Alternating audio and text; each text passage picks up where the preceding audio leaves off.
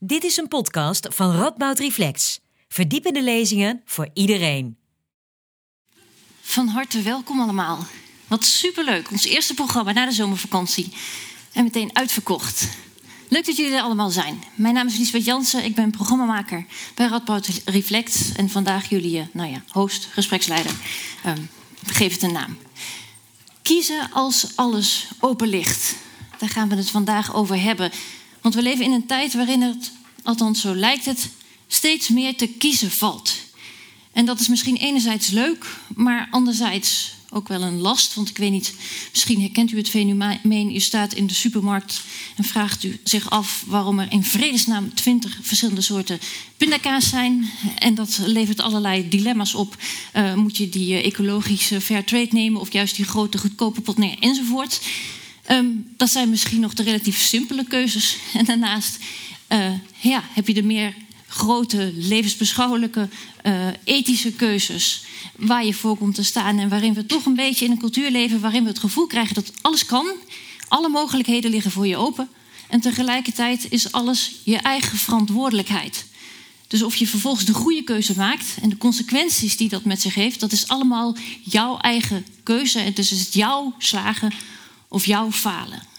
En dat is denk ik voor veel mensen een ingewikkelde uh, situatie. Nou, dat leek ons een mooi thema om mee in gesprek te gaan uh, met de denker des vaderlands en de theoloog des vaderlands.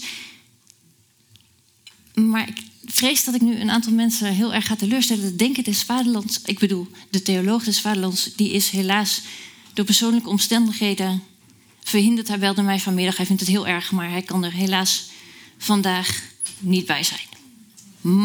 Maar niet getreurd, want op het allerlaatste nippertje heb ik Helene Murren van den Berg. Dat is onze decaan, want dit, deze avond is een samenwerking met de faculteit Filosofie, Theologie en Religiewetenschappen. Uh, Helene zou het openen, maar Helene is natuurlijk ook te zaken kundig, want religiewetenschapper. En ze weet, uh, ja, ze weet heel veel van nou ja, vooral. goed, dit gaat, dit ga, ik, ga niet, ik ga niet over uitweiden. Ze kan hier heel goed uh, Thomas uh, vervangen. Ze had al allerlei interessante uh, invalshoeken tijdens het etentje. En toen dachten we: Goh, Helene, wil jij niet gewoon aanschuiven hier tijdens het, tijdens het gesprek? En ik ben heel blij dat ze die uitnodiging heeft aangenomen. Um, ja, voordat we gaan luisteren naar de lezing van Paul van Tongeren, wil ik eigenlijk graag eerst even naar jullie. Want ja, jullie zitten hier allemaal, jullie zitten hier vast met een reden. Ik ben eigenlijk benieuwd wat jullie herkennen in dit dilemma over kiezen. En ik gaf net het voorbeeld van de hagelslag. Wie herkent dit soort keuzes? Dat je in de supermarkt staat of ergens anders en bij dit soort dingen denkt: ja, wat moet ik nou? Waarom, waarom moet ik uit twintig soorten shampoo kiezen? Wie herkent het dilemma? Ja, ik zou zeggen misschien ongeveer een vijfde van de zaal. Ja, en wie, wie, van u zegt dat dat andere dilemma, die meer groot, dat idee van alles rust op mijn schouders, ik moet, ik moet mijn eigen keuzes maken in mijn leven uh, en de gevolgen, dat, zijn ook, dat is puur mijn eigen ding, dat zijn mijn eigen, ja, dat, dat is mijn eigen verantwoordelijkheid. Wie ervaart dat zo? Ja, dat zijn beduidend meer mensen, ja. Nou, fijn om te weten. En dan ben ik nog eigenlijk heel benieuwd als laatste vraag. Zou er iemand heel kort iets willen vertellen over een keuze die hij of zij um, recent heeft gemaakt of nog moet maken, waarvan je zegt, nou daar heb ik toch wel echt even over zitten dubben. Het hoeft niet iets heel persoonlijks te zijn, mag wel natuurlijk. Wie mag ik daarover heel kort aan het woord laten? Ja, dan ga ik deze microfoon even doorgeven. Wat moest u kiezen? Um, ik heb een tuinhuis en uh, mijn buurvrouw die vroeg een tuintje geneden of ik daar niet een Oekraïense uh, vluchteling wil gaan opnemen. Toen dacht ik, oké, dat ga ik wel doen. En, en, toen het echt dichtbij kwam, dacht ik, oh, oh, ik moet er niet aan denken om ineens een, een, gezin in mijn huis te hebben. Dus ik heb, ik heb afgewezen. En ja. gelukkig heeft mijn andere buurman nog een huis gehad in Beek, waar ze nu terecht is gekomen. Dus ik was niet met de schuld opgeladen, maar voor hetzelfde geld had ik, had ik af moeten wijzen. Maar het ja, niet. Moeilijke keuze, snap ik. Keuze. Ja, dank u wel. Is er nog iemand anders met een keuze die die kort wil toelichten? Oh ja, achterin. Dan ga ik even lopen.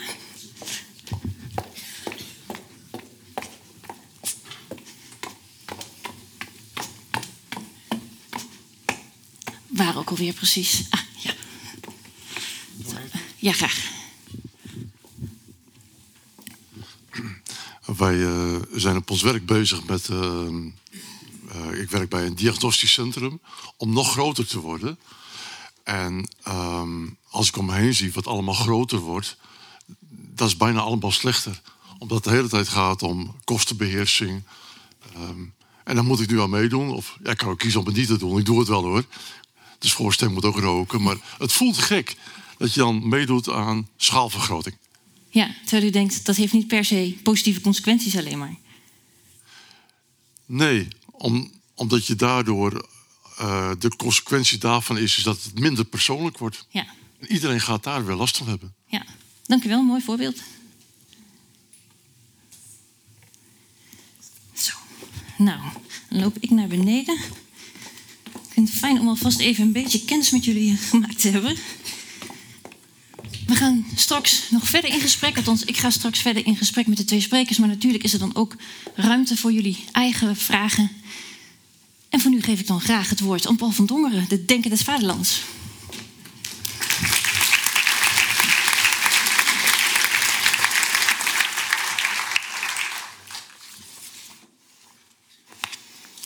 Dankjewel. En inderdaad heel jammer dat Thomas uh, er niet bij is, want ik had me ook verheugd op uh, eindelijk uh, een keer een debat met hem. De laatste keer dat ik met hem in debat was, was toen hij mijn, mijn student was. En nu zouden we echt. maar helaas, dat kan dit keer niet. En misschien lukt het helemaal niet meer, want zijn benoeming loopt nog maar tot november, geloof ik. Dus, nou, wie weet, krijgen we nog een kans. Over kiezen. Lisbeth heeft al de eerste aanleiding voor zo'n thema gegeven. De, wat je zou kunnen noemen de, de supermarktcultuur waar we in zitten. Niet alleen in de supermarkt zelf, waar we de hagelslag of de pindakaas uh, moeten, moeten kiezen uit al die mogelijkheden. Maar je zou kunnen zeggen, de hele cultuur is een soort supermarkt geworden. Want ook allerlei andere zaken dan die die we in de supermarkt kopen, zijn voorwerp van keuze geworden. In hetzelfde tempo als waarin de winkel waar je om pindakaas kon vragen en dan kreeg je die ene die er was, veranderd is in een winkel waar je moet kiezen uit tien of twintig soorten. In, dezelfde, in hetzelfde tempo, in dezelfde periode, zijn zaken die eerder niet voorwerp van keuze waren, tot voorwerp van keuze geworden. Of sterker voorwerp van keuze geworden. Um, je kunt je naam zelf kiezen, wat lange tijd niet het geval was. Je kunt tot op zekere hoogte je gender kiezen. Je kiest zelf of je wel of niet tot een bepaalde religieuze groepering wilt behoren, of je een religieuze overtuiging wilt hebben of niet. Dat was lange tijd een soort van vanzelfsprekendheid. En dan kwam er wel een moment waarop je je afvroeg: hoor ik daar eigenlijk wel thuis? Maar nu is het eigenlijk van meet af aan een soort keuzemogelijkheid. En misschien wel een van de, van de meest opmerkelijke de partnerkeuze. We spreken al heel lang natuurlijk over partnerkeuze, maar. En natuurlijk, er zijn meer veranderingen geweest. Er was ooit een tijd, maar die is ook langer geleden dan ik besta, dat huwelijken gearrangeerd werden en zo. Hoewel dat ook, ik heb daar nog wel voorbeelden van meegemaakt. Maar ook afgezien daarvan, je zou kunnen zeggen dat de manier waarop ik mij herinner dat wij een partner vonden, was in een tijd waarin dat gebeurde op de manier dat je naar een feest ging, eh, naar een café ging. Eh, of uh, een of andere zomeractiviteit ging, ging doen. En dan iemand tegenkwam, waardoor je ineens geraakt werd of zo. De mate waarin nu relaties ontstaan via datingsites maakt dat dat een heel specifiek soort keuze is geworden. Want ik heb nooit het gevoel gehad op de. Ik ging op. op om, om, misschien ook wel stiekem om iemand te vinden, maar ik, ik deed veel vakantiewerk in jeugdherbergen vroeger. Dan was je assistent van een jeugdherbergenouder en dan kon je, kwam je allemaal leuke mensen tegen. Maar ik was daar niet echt op zoek, denk ik. Maar je komt iemand tegen ineens.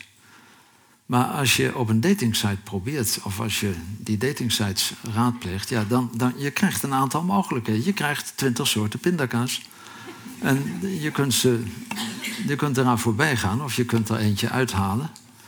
Dus dat is een keuze geworden op een manier die het eerder niet was. Dat maar als voorbeeld van hoe, denk ik, keuze een veel sterker uh, moment lijkt, een aspect lijkt te zijn van het hedendaagse leven dan het lange tijd geweest is. En dat zou inderdaad wel een oorzaak kunnen zijn van wat wel genoemd wordt de keuzestress die mensen ervaren. Of zoals een collega van mij het een keer noemde, dat mensen tegenwoordig onvermijdelijk kiespijn krijgen.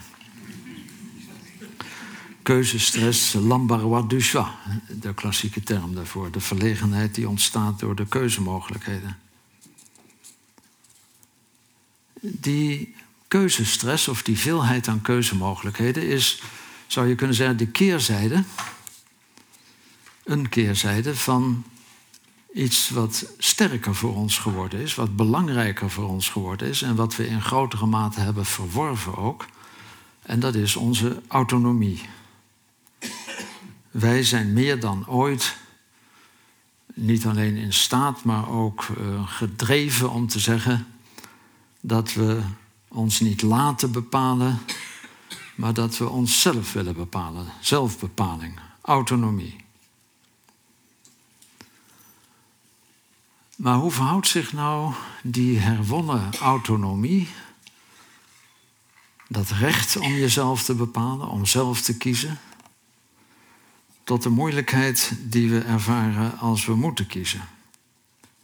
En niet weten hoe we dan moeten kiezen. We twijfelen vaak. Die twijfel die een beetje lijkt op, om tenminste één stukje filosofie ook te noemen in, in mijn paar woorden. Die lijkt misschien een beetje op het beroemde verhaal over de ezel van Buridanus. U kent het misschien. Buridanus was een middeleeuwse filosoof die ergens iets probeerde te zeggen over de vrijheid van de wil. En die zei: Kijk, stel je voor een ezel die uh, hooi eet, normaal gesproken.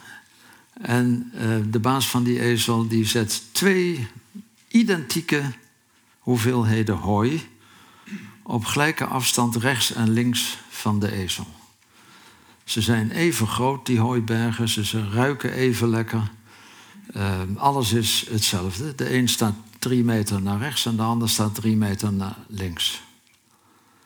En Buridanus zei, die ezel zal doodgaan van de honger omdat hij even hard naar rechts als naar links getrokken wordt, blijft hij precies in het midden staan en krijgt hij nooit iets te eten. Maar dat zal ons niet gebeuren, zei Buridanus, want wij zijn geen ezels, althans niet dat soort ezels.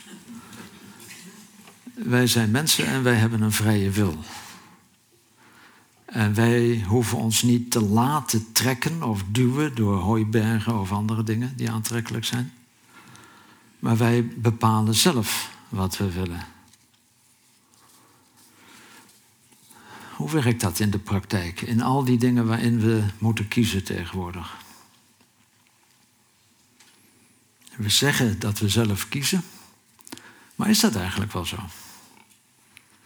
Moeten we niet zeggen dat we in feite ook, net als die ezel van Buridanus, ons laten trekken of duwen door wat of wie aantrekkelijk is of verleidelijk is De reclame trekt ons. Het vertrouwde trekt ons. De mode trekt ons. Onze omgeving trekt ons of duwt ons.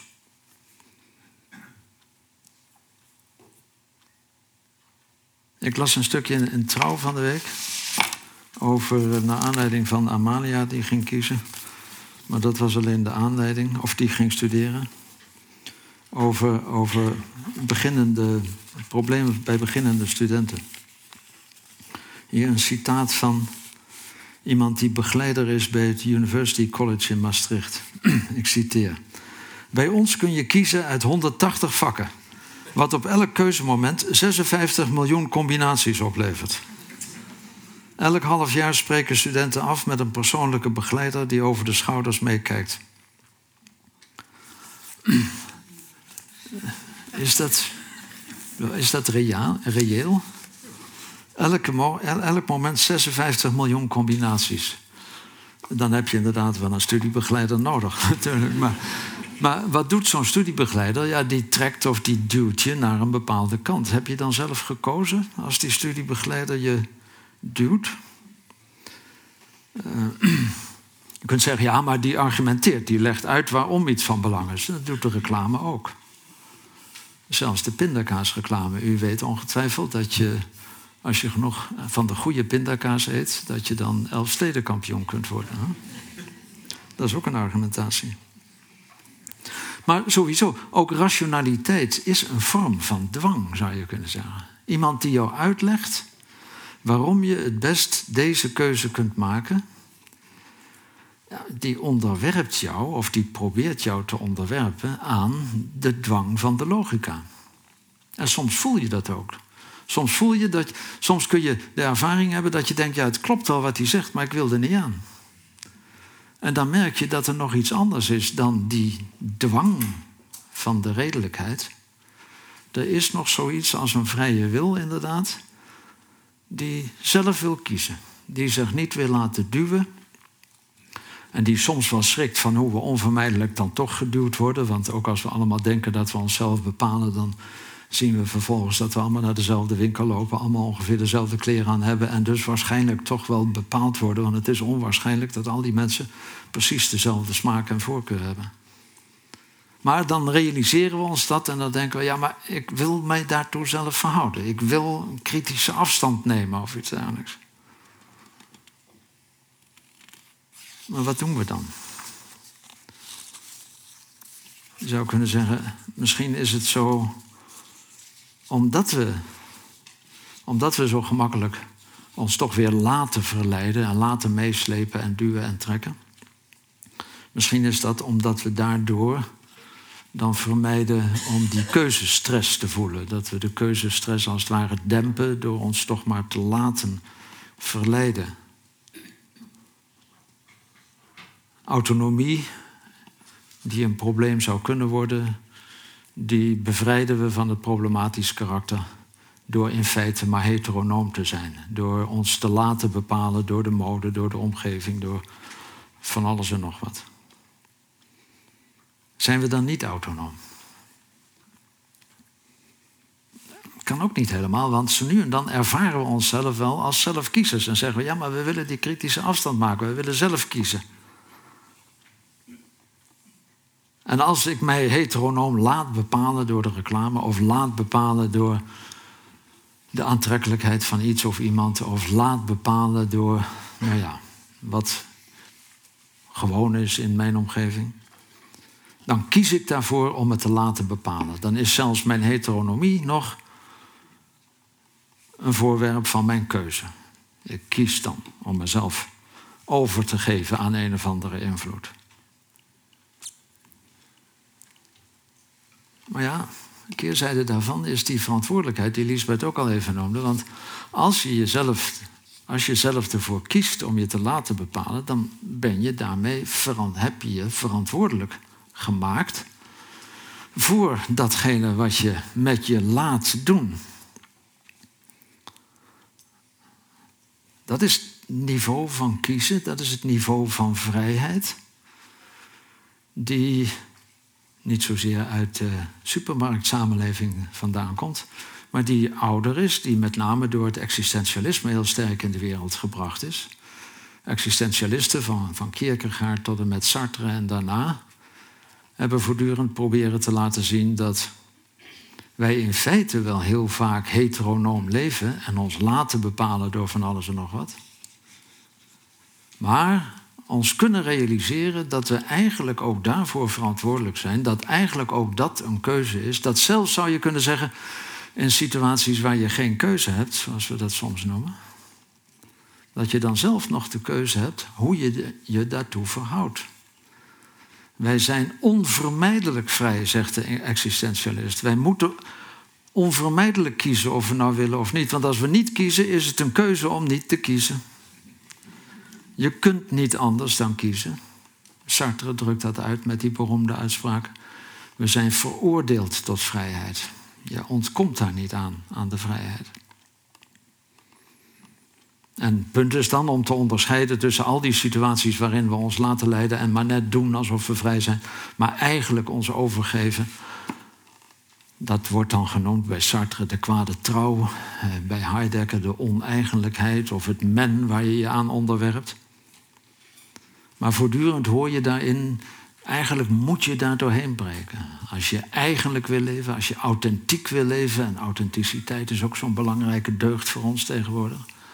Als je authentiek wil, lezen, wil leven, dan moet je je verantwoordelijkheid nemen voor datgene wat je doet of niet doet. Voor de manier waarop je je wel of niet laat leiden door anderen of door andere dingen. Ik wil nog even doorgaan op dat laatste, die eigenlijke vrijheid die daaronder zit. Ik laat dus die supermarktkeuzes maar een beetje terzijde. Maar ik wil me even concentreren op die eigenlijke, op die momenten waarop we die eigenlijke keuze voelen, waarop we die eigenlijke vrijheid voelen. Voorbeelden daarvan zijn keuzemomenten die, die wat zwaarder zijn dan de keuze voor pindakaas. En misschien zelfs de keuze op datingsites van, minstens als het gaat om een keertje uh, een afspraak te maken. Een keuze voor je studie, voor je beroep. Een keuze voor een partner, niet een partner voor een avond, maar een partner voor langere tijd. Een keuze voor vrienden misschien. Ik had genoteerd een keuze voor een levenswijze, omdat ik benieuwd was hoe Thomas Quartier, die de levenswijze van de monnik gekozen heeft, hoe die dat wel of niet zou herkennen. Dat soort van keuzes. Die natuurlijk veel belangrijker zijn dan de pindakaas en allerlei andere dingen. Maar die misschien ook nog op een andere manier een probleem stellen bij dat kiezen. Nog een ander probleem daarbij duidelijk maken. Het zijn eigenlijk voorbeelden van keuzes die op een bepaald punt radicaal verschillend zijn van de pindakaaskeuze. Je zou kunnen zeggen, de pindakaaskeuze is, ik sta hier en ik ben die ik ben. En ik zie daar, nou laten we het simpel houden, twee soorten pindakaas. En ik kan, zoals ik ben, proberen wat die oplevert en proberen wat die oplevert. Ik blijf dezelfde, maar ik proef eens die en ik proef eens die en ik vergelijk en wat ik het lekkerste vind, dat doe ik. Of dat een vrije keuze is, of dat je moet zeggen, je laat je dus leiden tot, door wat je in feite het lekkerste vindt. Door je, je laat je leiden door een toevallig aangekweekte smaak of zo. Dus echt vrij is dat. Maar dat laat ik buiten beschouwing. Je zou kunnen zeggen, dat is een simpele keuze. Ik vergelijk, ik blijf constant en ik vergelijk de ene met de ander. Of als je een beetje serieuzer voorbeeld wil, je gaat een nieuwe jas kopen. Jij blijft dezelfde, maar je past dus de ene jas en je past de andere jas. En je kijkt in de spiegel en je kijkt wat het beste staat. Of je vraagt aan je vrouw welk het beste staat. Je laat je ofwel door je eigen ijdelheid of door je vrouw leiden, zou je kunnen zeggen. Maar bij die, bij die keuzes waarvan ik een paar voorbeelden probeer te noemen, keuzes die ik nu maar even noem existentiële keuzes, is iets radicaal verschillends, denk ik, vermoed ik. Waarom? Omdat in die eerdere keuzes die ik net noemde, zou je kunnen, ik blijf constant, zei ik. Ik ben de weegschaal en ik weeg de ene tegen de ander. En ik zie wel wat het zwaarste weegt. Maar bij existentiële keuzes is er niet zo'n weegschaal die dezelfde blijft. Existentiële keuzes, en ik denk dat een studiekeuze al een belangrijk aspect van een existentiële keuze heeft. Een beroepskeuze, een partnerkeuze, nog, nog meer. Een keuze voor een levenswijze, misschien nog meer. Dat zijn keuzes waar je niet twee dingen met elkaar kunt vergelijken en wegen. Waarom? Omdat het keuzes zijn die te maken hebben met wie jij bent. Wil ik zo iemand zijn of wil ik zo iemand zijn? Maar ik ben niet dezelfde die die twee kan vergelijken. Dat we zeggen, op het moment dat ik kies voor een bepaalde levenswijze, ben ik een ander geworden. Ben ik mijzelf tot een ander aan het maken dan voor die keuze. Het zijn keuzes die niet mij voorgehouden waaruit ik kan kiezen. Het zijn keuzes die mijn identiteit zelf betreffen. En daarmee hebben ze iets heel problematisch. Want hoe kan je eigenlijk kiezen als jij niet dezelfde bent in de ene geval of in het andere geval? Ik verander niet door de ene jas of de andere jas aan te trekken. Ik verander niet door het ene brood beleggen of het andere te nemen.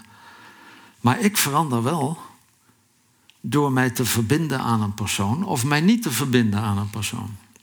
Ik verander wel door een studie te gaan volgen of iets heel anders te gaan doen.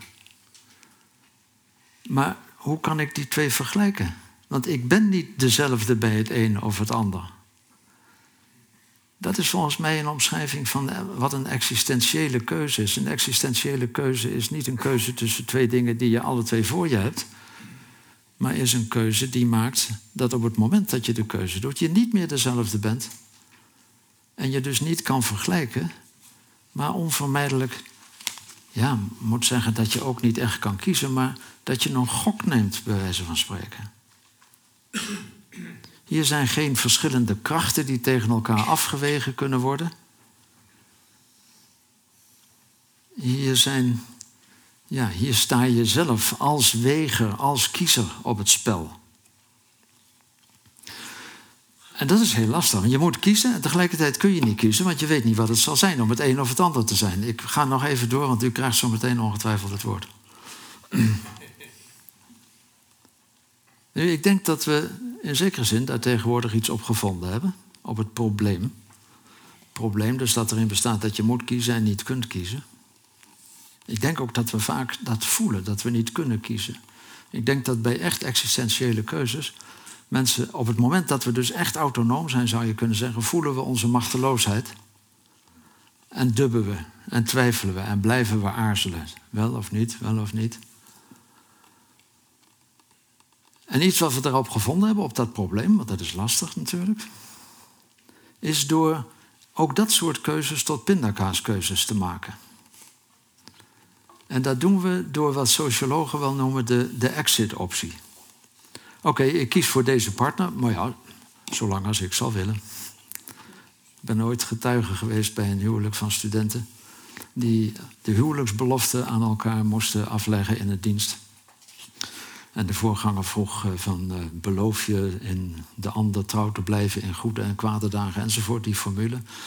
En het antwoord was, ja, ik beloof dat ik dat zal doen zolang als ik het zal willen. Maar daarna niet meer. Ehm, dat is volgens mij in zekere zin karakteristiek. Dat is een poging om, om de existentiële keuze toch tot een exit-keuze, tot een, tot een pindakaaskeuze te maken door die exit-optie eraan toe te voegen. En, en ik was heel benieuwd hoe dat voor Thomas, uh, Thomas Kwartier zou zijn. Die kiest om uh, lid te worden van de Benedictijnenorde door in te treden. Maar soms in interviews had ik de indruk dat ook iets van die exit-optie inlegt. Van ik doe dat nou, maar ik zal wel zien waar het komt. Misschien dat het over een tijd toch blijkt niet. Nou, ik weet niet of hij het zo gezegd heeft, maar soms had ik de indruk dat hij als het ware rekening houdt met de mogelijkheid dat hij later toch iets anders gaat doen. En dat lijkt mij hoogst problematisch, want dat, is een misken dat zou een miskenning zijn van het verschil tussen pindakaas en een levenswijze, zeg maar. Hoe maken we dan die keuzes? Ik denk dat die keuzes onmogelijke keuzes zijn, dat we die, dat we die, uh, dat we die dus niet echt maken, maar dat we uiteindelijk, en ook dat was ik benieuwd hoe Thomas daarover zou denken, dat we uiteindelijk niet kiezen, maar springen, gokken, ons overgeven op hoop van zegen of iets dergelijks. Maar dat betekent niet dat er helemaal geen keuze is. Daarmee wil ik afsluiten. Ik denk dat de keuze in dit soort echte keuzesituaties, want nogmaals, pindakaartkeuzes, dat is maar spel, maar echte keuzesituaties, situaties waarin je moet kiezen in een existentiële keuze, dat we daar niet zozeer kiezen voor het een of het ander, maar ons overgeven aan iets. En dan begint de keuze volgens mij. De eigenlijke keuze zit hem in de manier waarop we proberen waar te maken wat we ondanks onszelf gekozen hebben. Ik denk dus dat we helemaal niet zoveel kiezen voor de keuze of naar het moment van de keuze, maar dat de eigenlijke keuze daarna begint. De keuze begint pas op het moment dat je ondanks jezelf je hebt laten vallen in het een of in het ander. De manier waarop je je dan daaraan wijdt, waarop je je wijdt aan een bepaalde levenswijze, waarop je je wijdt aan een bepaalde samenlevingsvorm, waarop je je wijdt aan enzovoort. Daarin zit de keuze. En dat betekent dat de keuze niet het moment is bij het begin van iets, of om het bij een studiekeuze te maken. Het is niet het moment waarop je kiest om het een of het ander te maken. De keuze zit hem in de manier waarop je, nadat je zogenaamd gekozen hebt, die zogenaamde keuze waarmaakt door je eraan toe te wijden, eraan over te geven. Dat zijn in ieder geval een paar eerste gedachten over het kiezen, wat mij betreft. Dank u wel.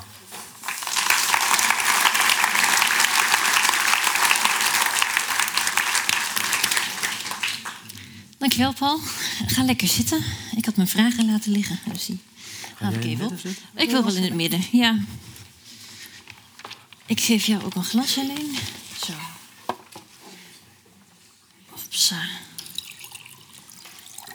Nou, volgens mij heb je ons al goed aan het denken gezet, eh, Paul. Dus daar gaan we hier gewoon nog even met z'n allen mee verder.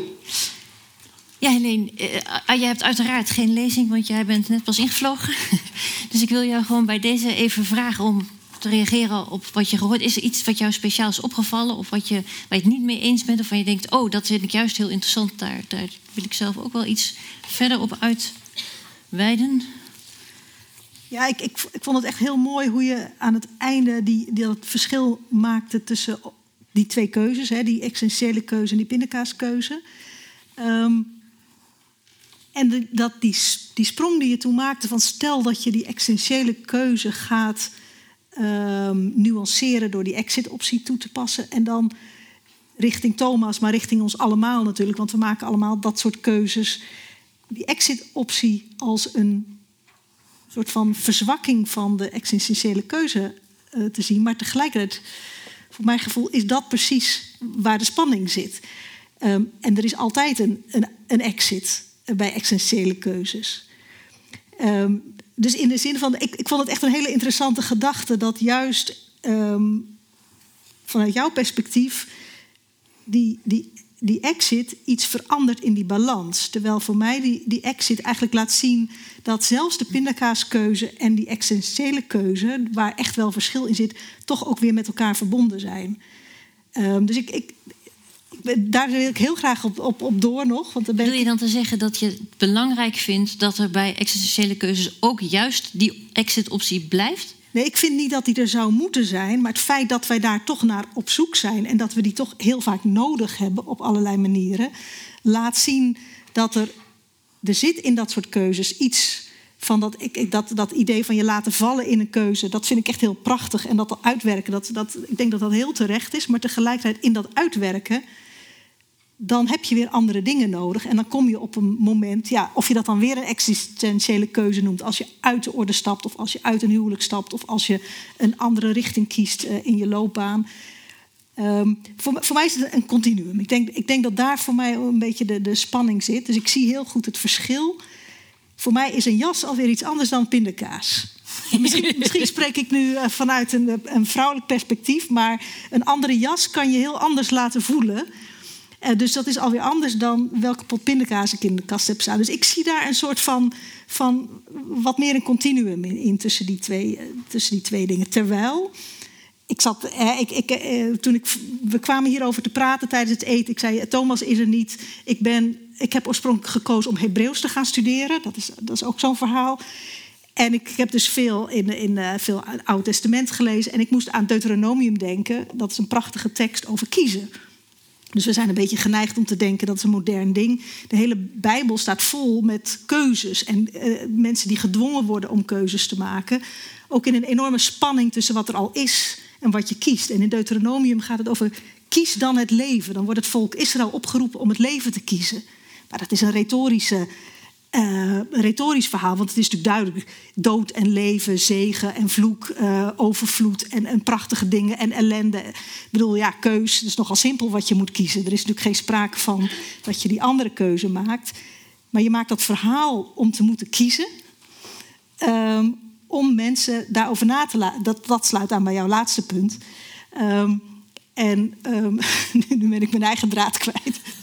Maar voor, voor mij is het denk ik heel belangrijk om niet een onderscheid te maken tussen vroeger was dat heel anders en nu uh, kijken we heel anders naar keuzes. En ook die keuzes zelf. Ik zie daar meer een continu, continuum tussen die verschillende typen van kiezen. Dus dat zou mijn nuance zijn. Terwijl ik de, de punten die je eruit ligt heel erg herkenbaar vind. Ik ben nog wel even benieuwd als je zegt van hey, Deuteronomium staat, het Bijbelboek staat vol met allerlei keuzes. En dat lijken allemaal ja, vanzelfsprekende keuzes. Als je het leven kunt kiezen, dan doe je dat. En als je de zegen kunt kiezen, dan doe je dat. Maar waarom staat het er dan als het eigenlijk geen geen twijfelgevallen zijn? Ja.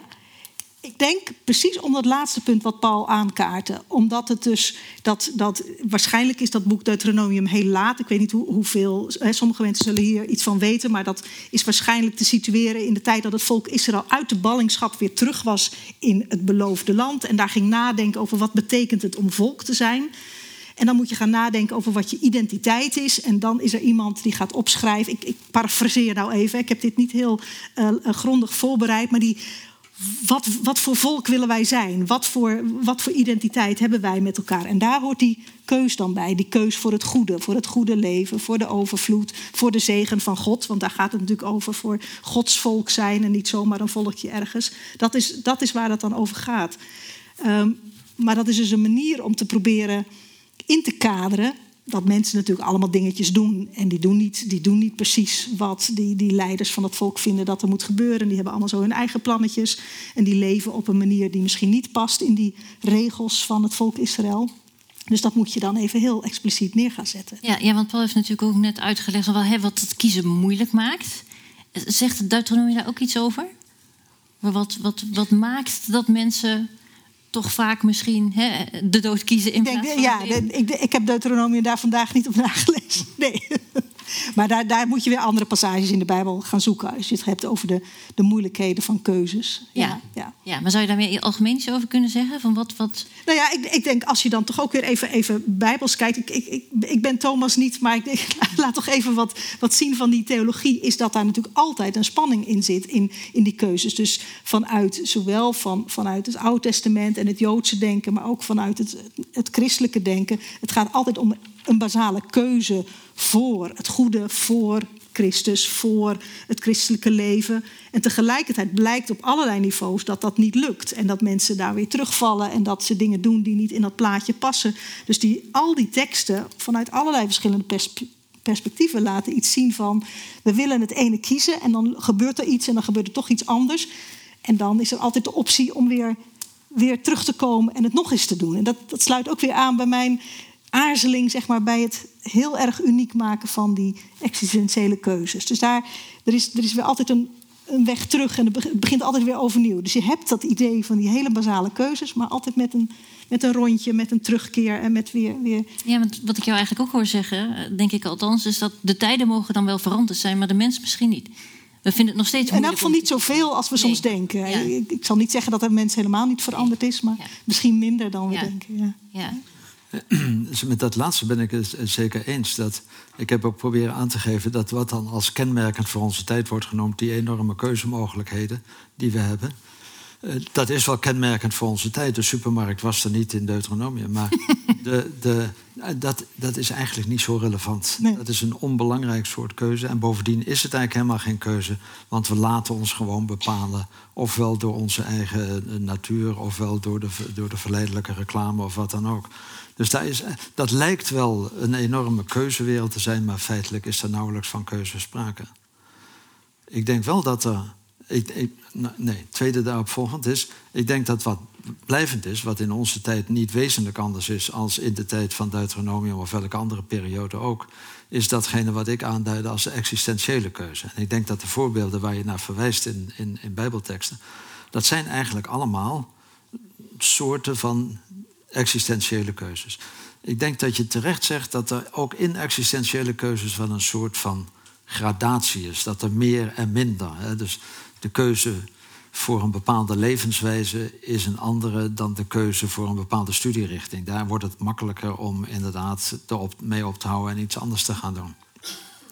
Maar daar zit in dat soort keuzes zit een existentieel mhm. moment. Wat je in elke tijd en in elke cultuur vindt, volgens mij. En het kenmerkende daarvan heb ik proberen aan te geven als iets wat enerzijds een echt keuzemoment is. Dat wil zeggen, hier word je niet bepaald door wat meer of minder aantrekkelijk is eigenlijk. Hier word je niet bepaald door allerlei... Nee, hier word je echt op jezelf teruggeworpen en moet je zelf kiezen. Daar zijn we dus echt autonoom en niet meer heteronoom. En kenmerkend voor de situatie waarin we echt helemaal autonoom zijn... is dat we niet weten wat we moeten doen.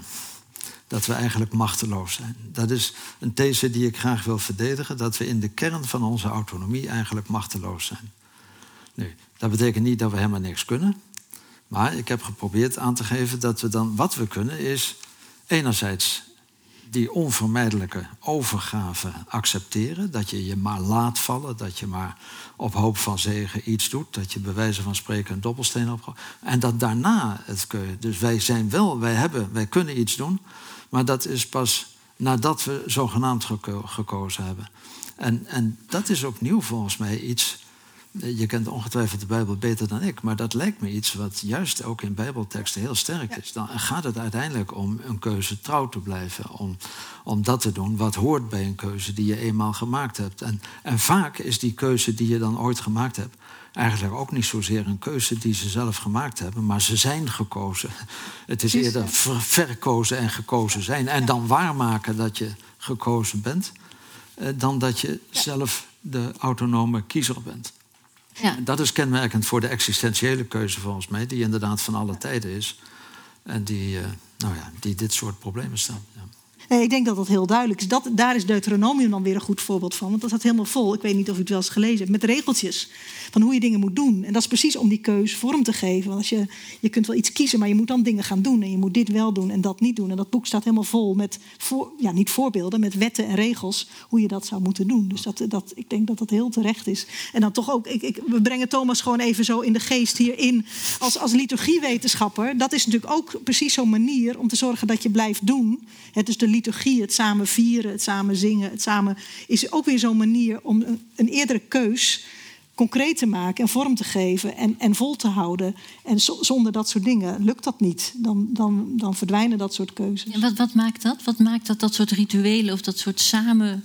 Ja, samen. Hè? Dat we, hè, dus die, die hadden we nog niet, niet echt onderstreept. Uh, want een deel van, denk ik, van het, de spanning in keuzes maken, die, die onder het verhaal van Paul ook ligt. En bij mij ook, is dat het ook over groepen gaat. Dus je keus is niet.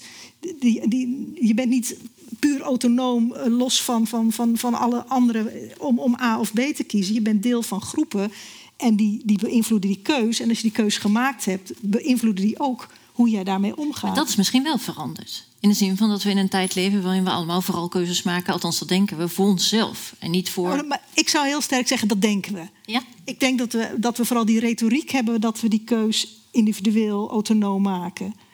Ja, maar ook los van dat we hoe we maken, voor wie we hem maken. Maken we de keuze voor, voor, voor, onszelf als lid van een gemeenschap, als lid van een groep, als lid van een gezin, als lid van een studievereniging, noem een paar opties. Of maken we keuzes omdat we denken dat het voor onszelf goed is? Wat, denk, wat denken jullie? Is dat, ik denk dat dat veranderd is veel minder denken. Ik denk wel dat de manier van daarover te spreken veranderd is, maar over het echt. echt ja, precies, dat, zou ook dat, is ook mijn intuïtie. Ja, ja, ja, ik ben ook wel geneigd om te zeggen dat we, uh, dat we er zo over spreken. Maar het is zeer de vraag of het zo is. Het is hetzelfde als ik daar toch nog even mee in verband mag brengen met die, die exit-optie die we volgens mij proberen binnen te smokkelen. Want dat heeft te maken natuurlijk met voor jezelf kiezen. Uiteindelijk ben jij degene die ook weer weg kan gaan en zo. Een, een, een, een een zinnetje dat ik wel eens gebruik om dat duidelijk te maken is dat je van je vrouw wel kunt scheiden, maar dat je van je ex nooit meer afkomt. dat is een aanduiding van. van dus wij zeggen dat we gewoon ook naar een ander kunnen gaan. Maar de keuze voor een partner is een keuze die, wat je verder later ook wil, die blijft gemaakt. In die zin kom je van je ex nooit af. In die zin blijf je daaraan vastzitten, wat je ook kiest of doet of wil. Ja, je wilt, niet omdat die ex zo vervelend is, maar omdat het nou eenmaal een deel is van jouw leven. Ja, ja, ja. Nee, nog afgezien van als die heel vervelend is. Ik dacht, laten we even dingen helder stellen. Ja. ja. Dus ik weet niet of, de, of, dat, of het wat dat betreft zo heel sterk verschillend is. De, de manier waarop we erover spreken is een andere.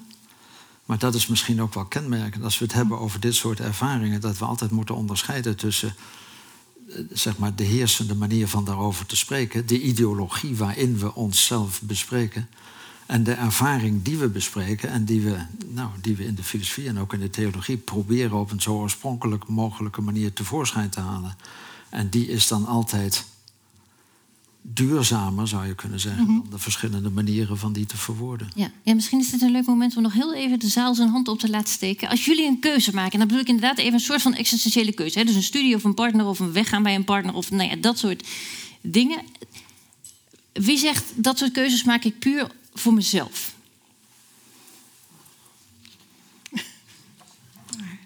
Aantal aarzelende handen. wie zegt nee, dat soort keuzes gaat over mij in relatie tot anderen. Ja, het zijn toch meer mensen? Ja. ja. Zelfs, zelfs Sartre, de, de, de kampioen van de, van de individuele keuzevrijheid eigenlijk, zegt ergens, ik geloof in dat boekje, uh, het existentialisme is een humanisme. Ik weet niet zeker of het daar staat, maar ik denk dat het daar staat als je, en, nogmaals, Sartre is de kampioen van de individu. Iedereen kiest zijn eigen leven enzovoort. En die zegt, als je kiest, dan kies je voor de hele wereld. Uh, de manier waarop ik dat begrijp, heb ik proberen uit te drukken door te zeggen... Die keuze, daar geloof ik niet zo erg in. Maar die begint daarna, dat was de manier waarop je het dan waarmaakt... Uh, is een soort verplichting die voortkomt uit een keuze die verder strekt dan, dan jouw, eigen, jouw eigen vrijheid. Ja, en volgens mij een begrip wat je daarbij toen noemde is overgave. En dat is ook misschien iets waar we nog even bij stil kunnen staan. Want het is een, een, een, een mooi, een theologisch begrip, maar ook een heel moeilijk begrip. Wat, wat bedoel je daar precies mee? Nee, je, stel je voor dat je, dat je uh, ik zou het ook eh, persoonlijker kunnen vertellen, maar ik zal het algemeen houden. Stel je voor dat je op het moment staat waarop je moet kiezen uh, of je met een partner uh, blijvend samengaat, of je gaat trouwen, bij wijze van spreken, of letterlijk of niet. Stel dat je dat opvat als een keuze. Dan ga je nadenken, wat zal ik kiezen? Dan ga je kijken, wat, ja, wat ga je dan doen? Of je een verplichting hebt of niet. Wat de voordelen zijn van het wel te doen. De nadelen zijn van het niet doen. Ik, ik noem opzettelijk dit soort dingen. Moet, moet je je voorstellen dat je tegen je partner zegt... nou, ik heb er eens over nagedacht. ik denk toch dat er meer voordelen dan nadelen aan zitten. Laten we... Zo gaat het niet. Natuurlijk denk je ook aan dat soort dingen. Maar zo gaat het niet je, je, tenminste in mijn geval, ik, ik herken nog wel, ik herinner me nog wel allerlei twijfels en zo, maar uiteindelijk geef je je over. Of denk je, nou vooruit, laten we maar. En, maar, maar dan begint het. Dan is het niet van, ach we zien wel en anders dan gaan we weer wat anders doen. Nee, op dat moment, je, je laat je echt veel radicaler vallen. Je laat je vallen in iets wat een enorme verplichting op je legt. En dan begint het traject van de keuze. Dan ga je eraan werken, dan ga je je wijden aan datgene wat je hebt laten gebeuren. Dus ik geloof helemaal niet in, in het actief kiezen van dat soort zaken. Zelfs bij een studiekeuze. Je kunt, dat overkomt je. Ja. Dat overkomt je. Ja, wil je daar, wil je daar meer over? Nou ja, ja ik, ik, ik, ben, ik ben dus Hebreeuws gaan studeren. En dat, dat zie ik als een soort toevallige samenloop van omstandigheden die ik heel goed kan plaatsen. Hè, dus wij moesten op de middelbare school. Ik zat hier in de achterhoek op school en wij moesten op werkweek in Groningen om ons te oriënteren op onze studiekeuzes. En ik had wel een zo'n vaag idee. Ik ging waarschijnlijk iets met medicijnen doen. Nou, dat, dus we gingen, ik, ging, ik had medicijnen aangekruist. En met een vriendin dachten we, ach weet je, we gaan eens gek doen. Wat zullen we nog eens meer gaan bekijken? Want ja, we moesten drie studierichtingen bezoeken.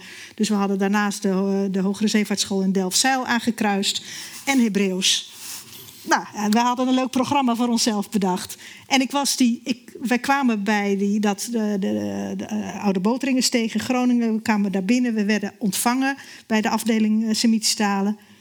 Ja, het was voor mij denk ik een soort verliefdheid. Ik, ik, ik was daar binnen, ik was daar een halve dag binnen. Dacht, dit is het. Klaar. En wat maakte dat? Weet je dat nog? Nou ja, nee, dus een soort gevoel van dat je daar past. Dat het soort mensen wat daar rondloopt. Dus, hè, dus al die factoren. Dat er toevallig mensen rondliepen die aardig tegen je waren. En die een paar dingen tegen je zeiden waarvan je dacht, ja, leuk. En ik kwam daar weg en dacht, ja, klaar. Ik heb daarna ook niet meer echt getwijfeld. Ja, dan, iedereen zegt, waarom zou je dat nou doen? En kun je daar wel wat mee? En wat kan je dan worden? En, enzovoort. Nou ja, dat leg je dan een beetje naast je neer. En dan ga je dat doen. En dan blijkt dat. Dan, dan, ja goed, dan volgt er een heel pad wat weer allerlei andere kanten op gaat. Ja, dus Paul had het net in zijn lezing ook over de rationaliteit van keuzes. En in hoeverre maken we eigenlijk rationele keuzes? Jij zegt eigenlijk in ieder geval in, in dit geval, wat bij een nou ja, toch vrij existentiële keuze. Ja. Is, speelde dat voor jou nauwelijks een rol? Maar tegelijk ook weer wel, want dit is natuurlijk een heel klein fragment van zo'n van zo'n keuzeproces als je het zo wil noemen. Want ik kom uit een milieu waar veel in de Bijbel werd gelezen, waar Hebreeuws iets was waar ik van gehoord had. Waar, dus er zat natuurlijk iets omheen waar die, die keuze om daar naartoe te gaan uh, uit voortkwam. Dus het was in die zin ook weer niet toevallig. Ja. En dat vind ik zo interessant aan keuzes, hoe, hoe dat dan werkt. Al die dingen die bij elkaar komen en dan, dan, dan, denk je, dan laat je je vallen. Dan denk je, oké, dit uh, hier ga ik mee verder. Ik denk dat dat voor heel veel keuzes zo geldt. Maar dat wil niet zeggen dat je daar per se. Eh, ergens tijdens mijn studie Hebreeuws kwam ik tot ontdekking dat Syrisch, verwante taal, nog veel interessanter was dan Hebreeuws. En daar ben ik mee verder gegaan en daar ben ik op gepromoveerd. Dus dat is dan, dat noem ik niet de exit-optie, maar dat is wel een soort verschuiving van die eerste interesse. Dan komt er iets anders op wat, wat ik nog leuker vond en waar ik nog, nog meer uh, in paste. En ik denk dat dat bij heel veel keuzes zo gaat. Ik denk dat dat overgavemoment ook sterker is naarmate de keuze existentiëler is. En, de studiekeuze heeft daar wel mee te maken, maar is een veel lichtere vorm dan, dan andere. Voor mij is eigenlijk het voorbeeld bij uitstek. En daar, het is ook een beetje door, door, door de manier waarop ik dat boek uh, vaak gelezen heb, dat, dat, dat mijn gedachten hierover gevormd zijn bij Augustinus. dus dat is een mooie auteur om tussen ja, ja, theoloog en een filosoof aan de orde te stellen, want het is beide. En bovendien de meest existentiële denker ongeveer die je kent. En Augustinus die twijfelde in zijn confessiones voortdurend of hij zich nou zal laten dopen of niet.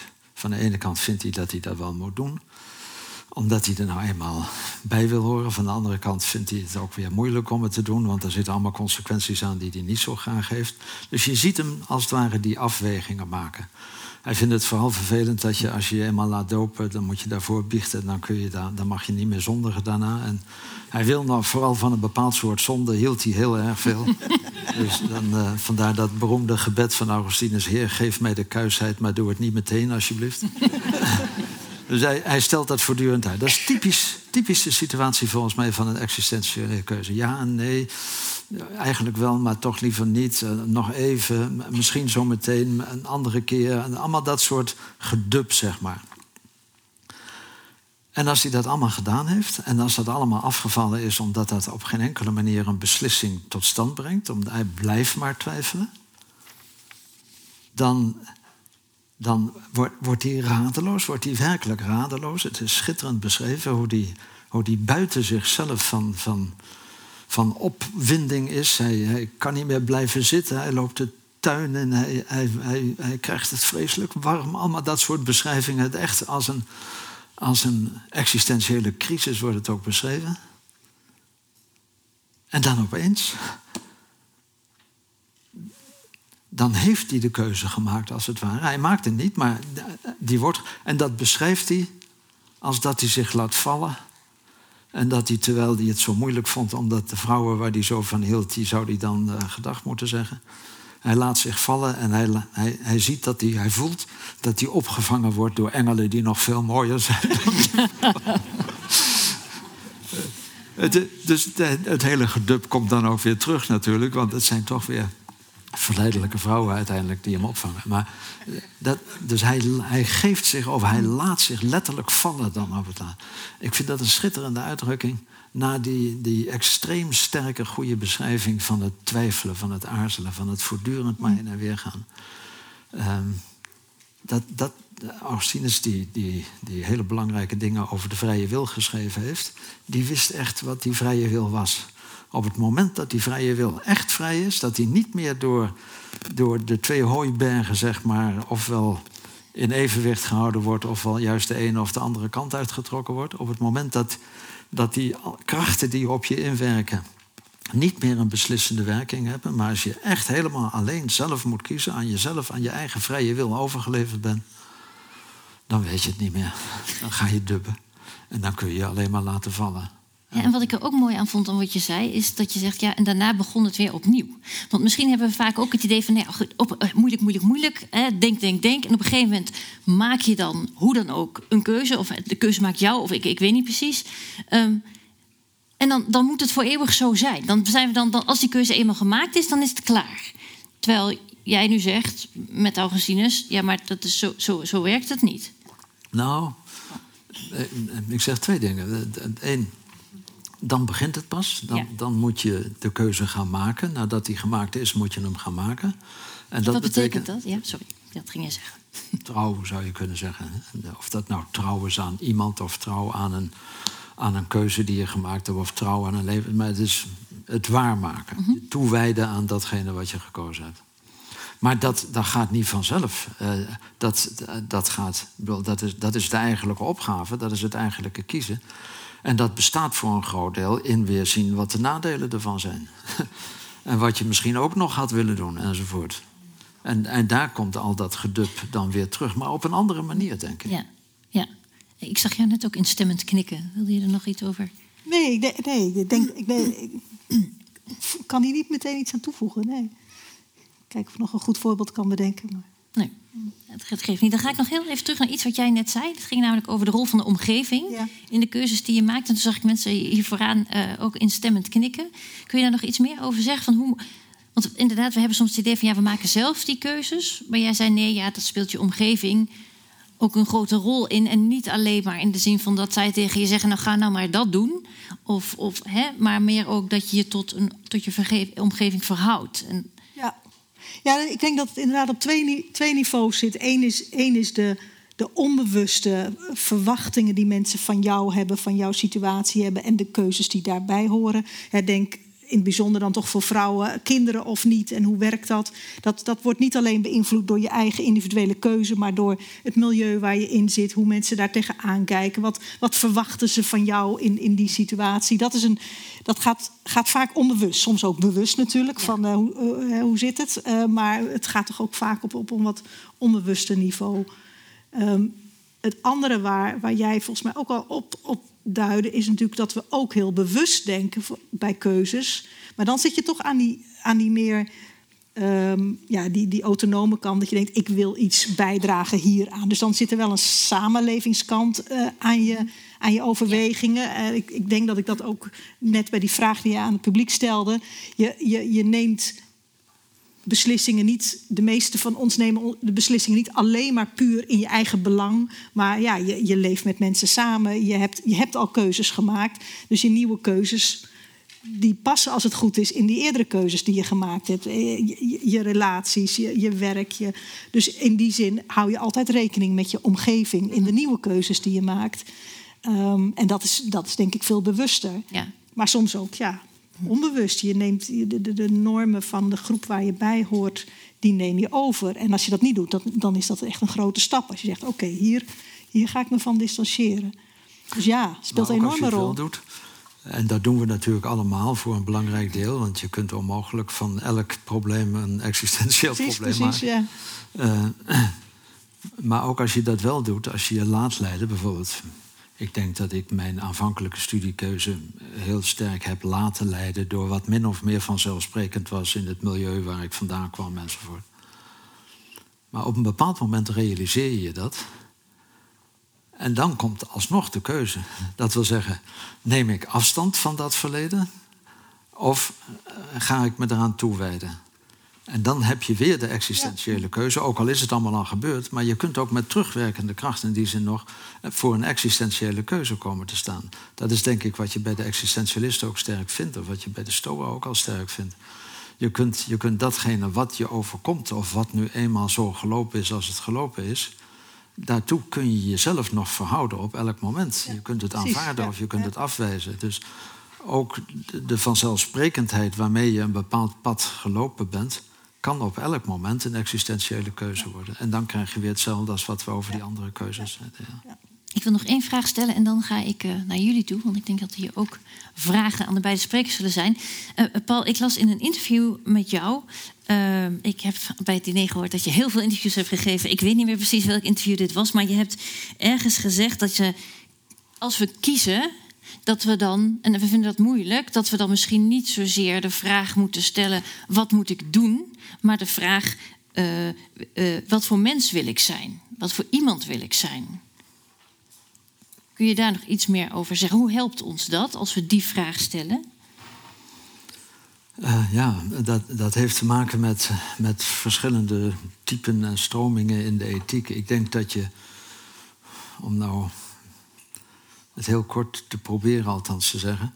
Ik denk dat je kunt zeggen dat de meeste ethieken van de moderne tijd, de ethieken die na 16, 1700 ontstaan zijn, dat die zich heel sterk concentreren op de handeling. Mag dit of mag het niet? Wat moet ik doen? Uh, dat soort vragen. Uh, terwijl een veel oudere uh, ethiekstroming, de deugdethiek, waar ik me vooral mee heb bezig gehouden, uh, eigenlijk niet zozeer zich op de handeling concentreert, maar heel sterk concentreert op, op ja, de manier waarop je je altijd aan het vormen bent. Dus ik vraag me vanuit een deugdethisch perspectief niet zozeer af: mag ik dit doen of mag ik het niet doen? Of moet ik het een of het ander doen? Maar op welke manier, op wel, wel, welke vorm ben ik aan mezelf aan het geven door op deze manier te handelen? Wat voor soort een persoon word ik eigenlijk? Nu, ik vind dat een zeker niet het enige. Ik vind die handelingsperspectieven ook van belang. Maar ik vind dat, dat die gerichtheid op de, de, de vorming van de persoon als een geheel, op het karakter van een persoon, uh, minstens zo belangrijk. Ik vind dat een heel belangrijke aanvulling, zou je kunnen zeggen, op de hedendaagse ethiek.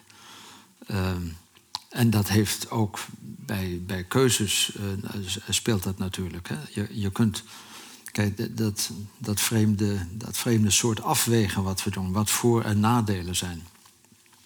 Dat heeft eigenlijk iets heel raars. Je kunt zeggen, je staat voor de keuze of voor een studierichting, of voor een partner, of voor een vakantie, of doet er niet toe wat.